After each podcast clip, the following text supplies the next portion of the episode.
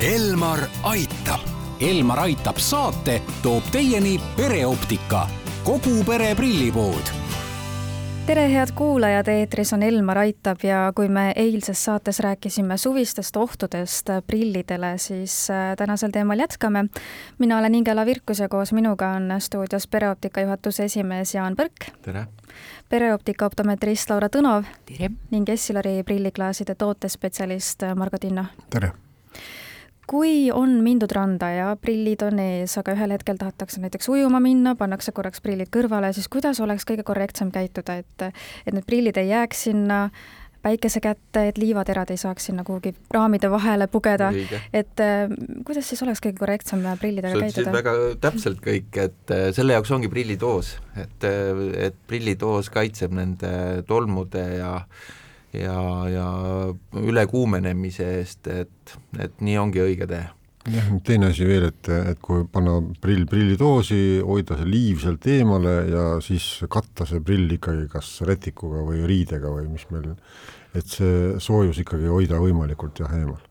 aga kui seda liiva hakata sealt kuiva kas särgi varukaga või, või mingisuguse kuiva materjaliga pühkima, siis see liiv käitub nagu liivapaber. Ja noh, see kriimustab ükskõik missuguse asja ära, et äh, ikkagi prilli, mis on äh, tolmune, tuleb äh, pesta ja siis pühkida, et muidu on tema eluiga lühike. Aga pesta siis mingi kindla vahendiga või sealsamas merevees võib kiirelt ära loputada?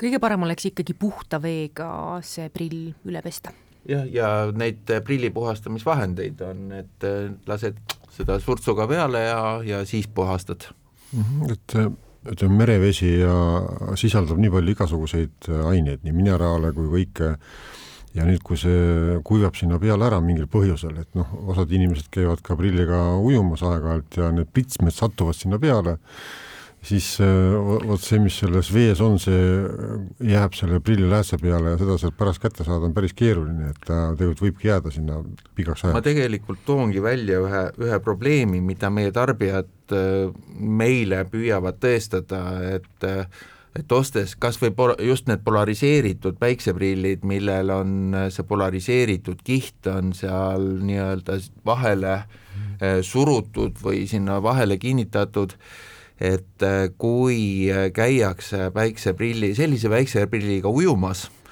ja, ehm, ja ta jääb sinna kuskile pikemaks ajaks seisma, siis vesi hakkab seda kihti sealt kuidagi nagu eemaldama ja siis tekivad klaasidele niisugused mullid sinna ümberringi ja ühesõnaga see prill muutub kasutuks. nii et äh, neid äh, noh, selgitusi ja vaidlusi on suhteliselt ebamugav pidada, sellepärast et tegemist on ikkagi kallite asjadega ja ma soovitaksin küll nendest olukordadest lihtsalt hoiduda, et, et mitte endale teha närvilist või niisugust ebameeldivat tunnet ja, ja meie teenindajatele täpselt samuti, et et kui on ikkagi käidud merevees, siis need prillid on saanud juba natukene kahjustada kui me oleme praegu rääkinud äh, põhiliselt äh, nendest äh, probleemidest, mis võivad siis kaasneda rannas olekuga, näiteks kuum päike, merevesi, liiv, siis millised on veel need suvised sellised komistuskivid võib-olla, et mida, mis tihti teie silmist nagu ette tuleb või millega kliendid teie poole pöörduvad, et hoidsin äkki prille seal või käisin prillidega saunas, kas prillidega saunas võib käia? Pigem mitte.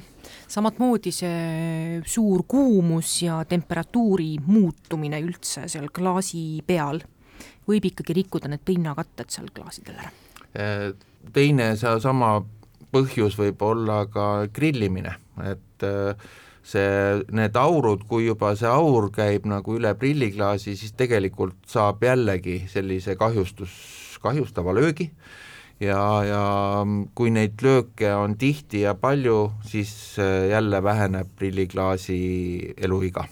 et siin võib mõelda ka seda, et, et noh, kõige suurem vaenlane nagu suve peale mõelda ongi päike ja temperatuur. Et äh, prilli ei tohiks äh, noh, jätta üksinda kuhugile, kus tal jahutust ei oleks ja kus ta on pikka aega päiksele eksponeeritud, ehk äh, ta lihtsalt grillib seal päikse käes, kas või toas aknalaua peal näiteks, kuhu päike peale paistab. ka see on nagu halb koht, et, et kõik need väga kuumad kohad, et tuleks, tuleks mõelda jah, et näiteks ka autos, eks ole, kui panna äh, kuhu kohta autos siis prilli panna, kui meil on autoprill, et siis äh, mõistlik oleks panna ta võib-olla küljesahtlisse võimalikult madalale, aga mitte kõrgele, ütleme sinna Katuse sirmi juurde jah, jah, et et ja ka karpi ja et noh, et olen ise katsetanud ja, ja mul töötavad nad selles mõttes hästi, et ei ole ühtegi katki läinud, kuna nad on, kõik on hästi madalal.